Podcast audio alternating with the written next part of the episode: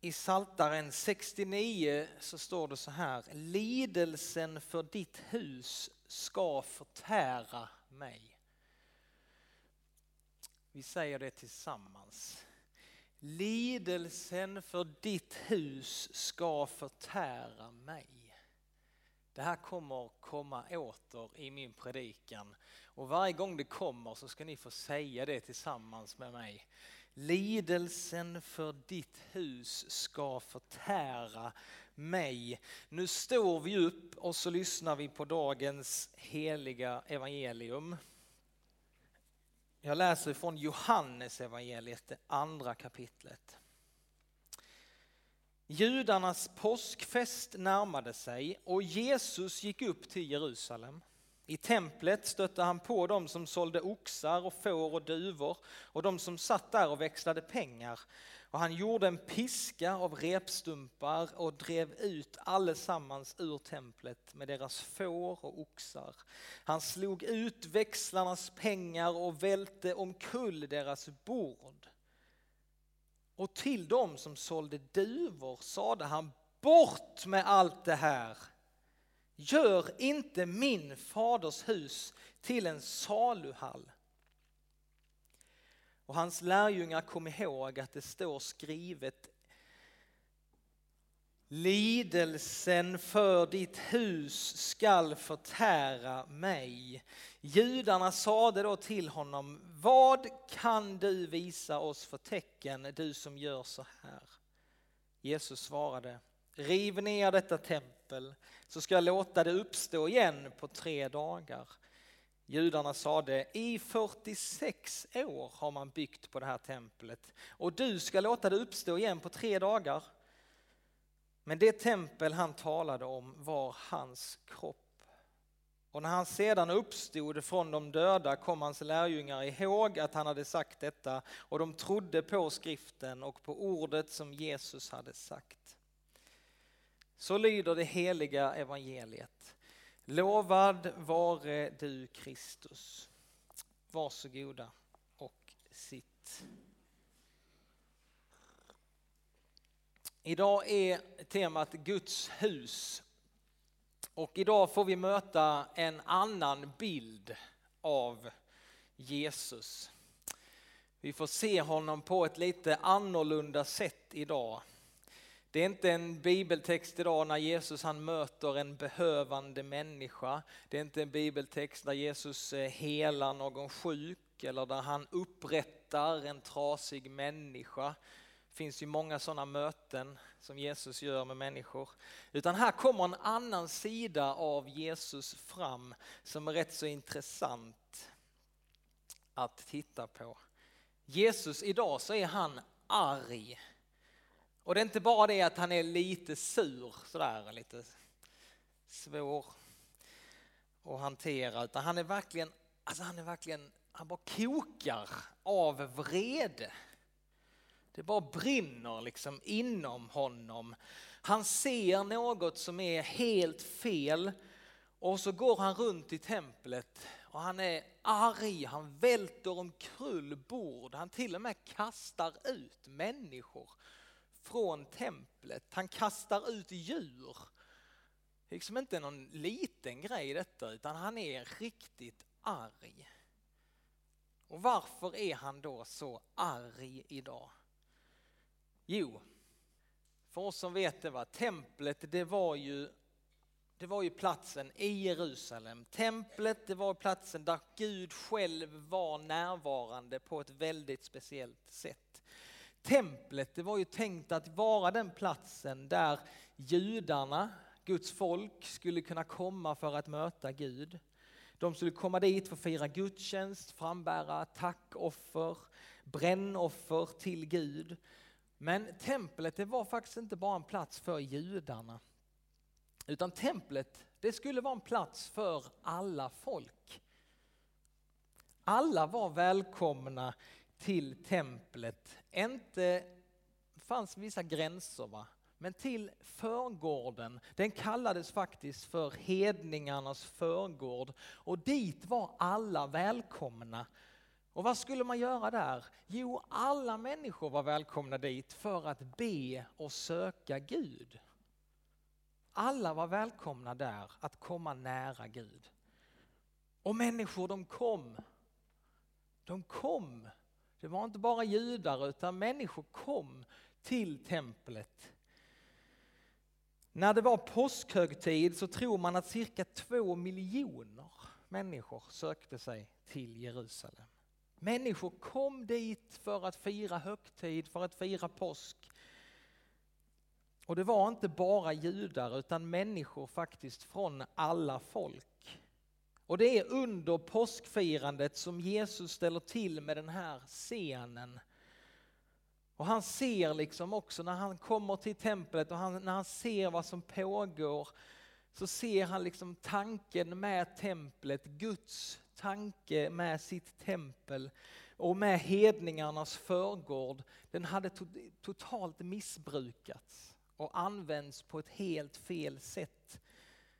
Nu försökte människor tjäna pengar där. Platsen där människor, vem som helst, skulle kunna uttrycka sin gudslängtan, skulle kunna komma nära Gud. Så fanns det, det man gjorde där, det var att man försökte tjäna pengar på människors gudslängtan på ett sätt. Va? Det som var tänkt att vara en plats av bön och tillbedjan hade blivit väla. Templet skulle ju vara platsen där mötet mellan Gud och människor blev möjlig, alltså där himmel och jord möttes. Men så hade det blivit en girig saluhall. Och detta väcker Jesu vrede. Alltså det är ingen synd att bli arg. Det är ingen synd att bli vred. Då hade ju Gud syndat väldigt många gånger i Bibeln. Det är ingen synd att bli arg eller att bli vred. Det är helt okej okay att bli vred. Men det man måste tänka på då när man blir vred, att synda inte när du är vred. För det är lätt att synda när man är vred och arg. Men att bli arg och upprörd, det är inte synd, utan det är ju faktiskt någonting, man reagerar på någonting. Det kan vara en väldigt sund och bra grej att bli.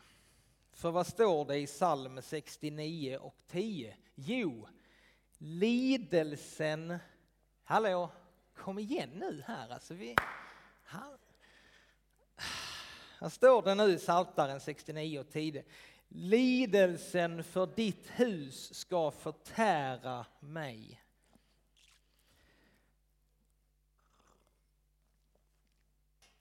Alltså Jesus han hade en så stark lidelse. Och lidelse det är ju det är ett starkt ord. Alltså det, är, det är som en passion. Det är som att när man bryr sig om någonting och så känns det ja, men när man bryr sig om ett barn eller sånt, det är som att man lider, hela ens inre är liksom i uppror för att man vill det här barnet väl. En så stark lidelse, passion, lidelsen för ditt hus ska förtära mig. Passion för Guds ut. Jesus hade det så han var tvungen att reagera. När han såg vad som pågick där så var han tvungen att reagera. Och när Jesus gör detta så gör han en väldigt, alltså det är, det är en väldigt profetisk handling.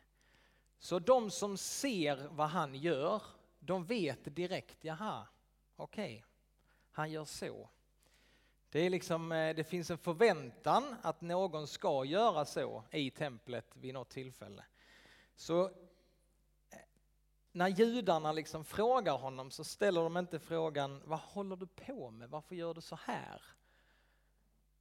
De reagerar inte liksom, ah, vad dum du är, du kan inte välta borden och hålla på så här. Utan det de frågar, det de, de ifrågasätter inte det han gör, utan de ställer frågan, vad kan du visa oss för tecken, du som gör så här?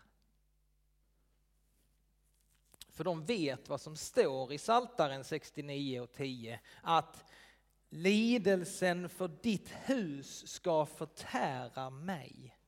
Och de vet också att i Malaki kapitel 3 står det att en dag så ska en härskare komma till templet och han ska rena templet så att folket kan bära fram offergåvor till Herren på rätt sätt.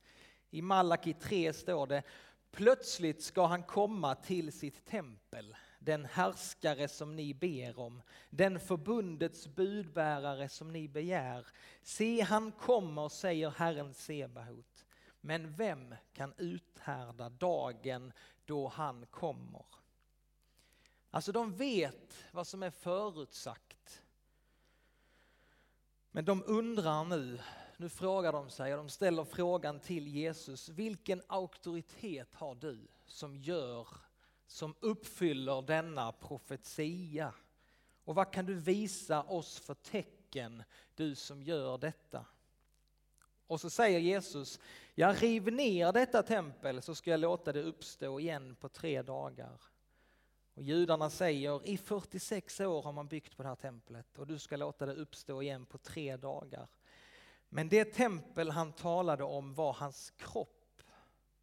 Så det tecknet som Jesus ger dem, det är hans död och uppståndelse. Det är tecknet. Vid ett annat tillfälle så kommer de också skriftlärda fram till Jesus och så frågar de också efter tecken. De vill ha ett tecken. Sedan sade några skriftlärda och fariseer till honom, Mästare, vi vill se dig göra ett tecken.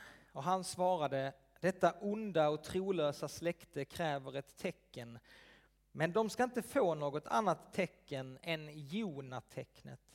Ty liksom profeten Jona var i den stora fiskens buk i tre dagar och tre nätter ska Människosonen vara jordens inre i tre dagar och tre nätter. Alltså Jesu död och uppståndelse, det är tecknet som bekräftar vem han är. Hans död och hans uppståndelse, det är tecknet, det är också centrum för vår tro. Korset, centrum för vår bekännelse.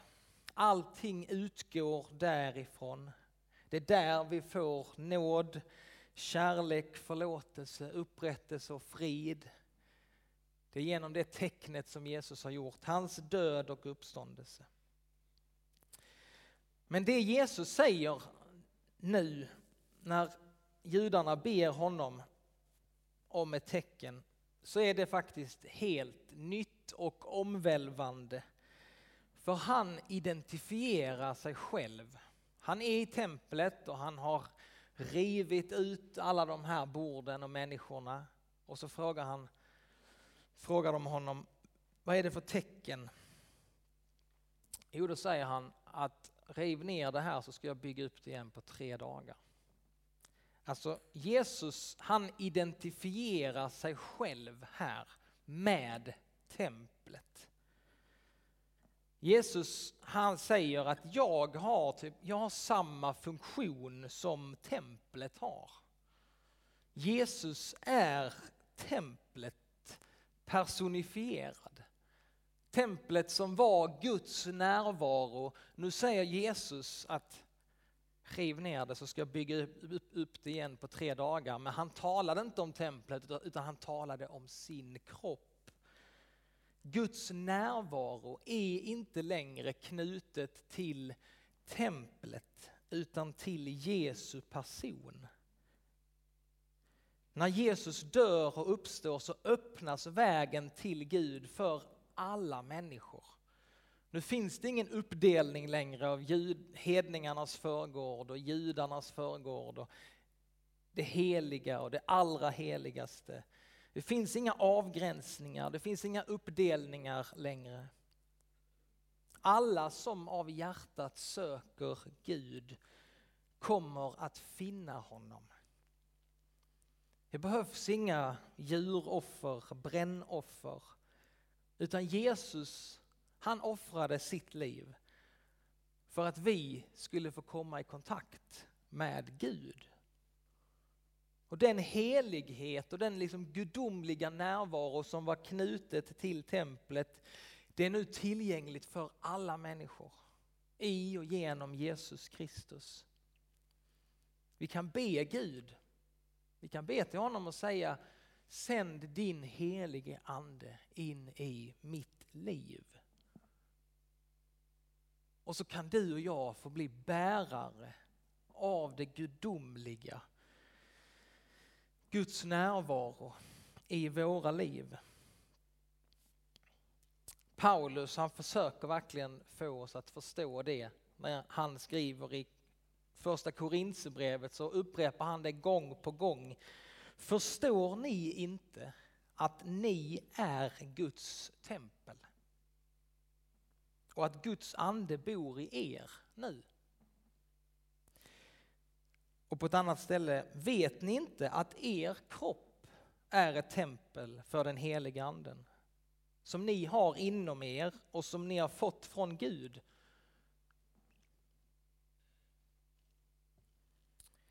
Förstår ni inte att det är ni som är Guds tempel? För att Gud bor i er nu.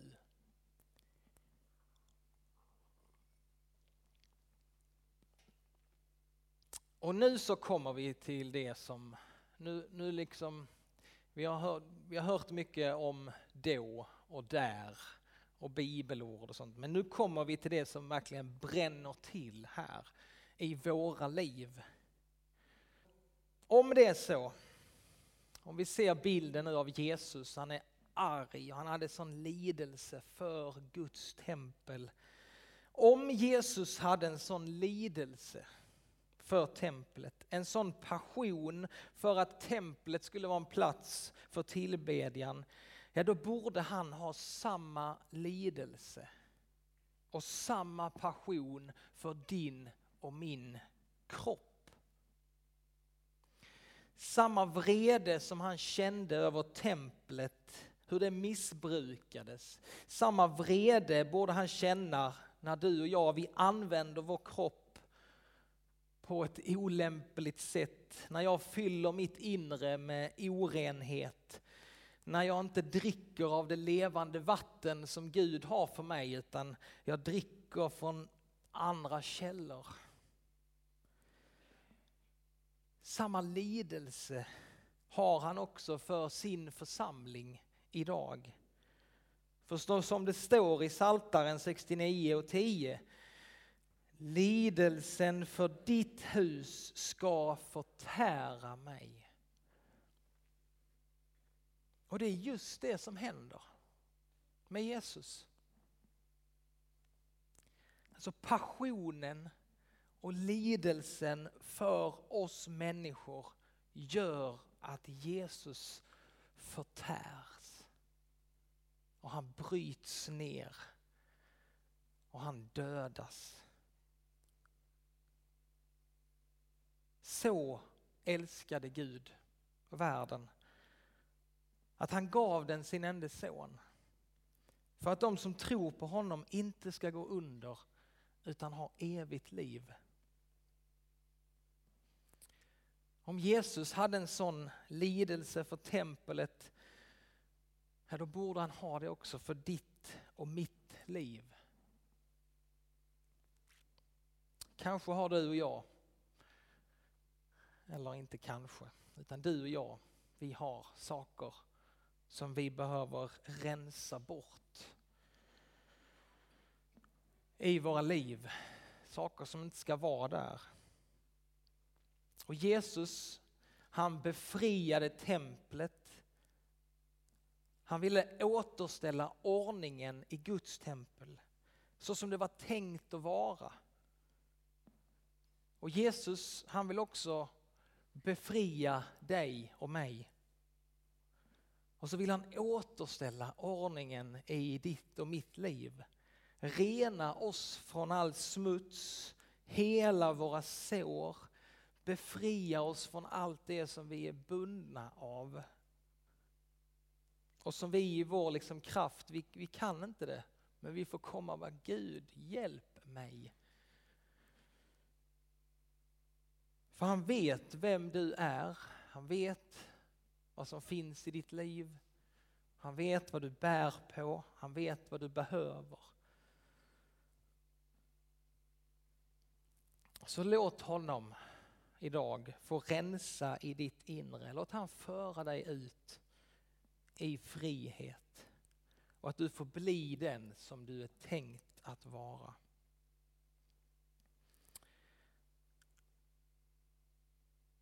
Ja, Fader i himmelen, vi tackar dig för din närvaro i våra liv. Och du vet att vi tar det så ofta för givet. Men idag, Herre, så vill vi värdesätta din närvaro i våra liv. Herre, vi ber dig för våra liv. Du ser, du vet. Herre, låt mitt liv få vara en plats där du, där du kan få bo.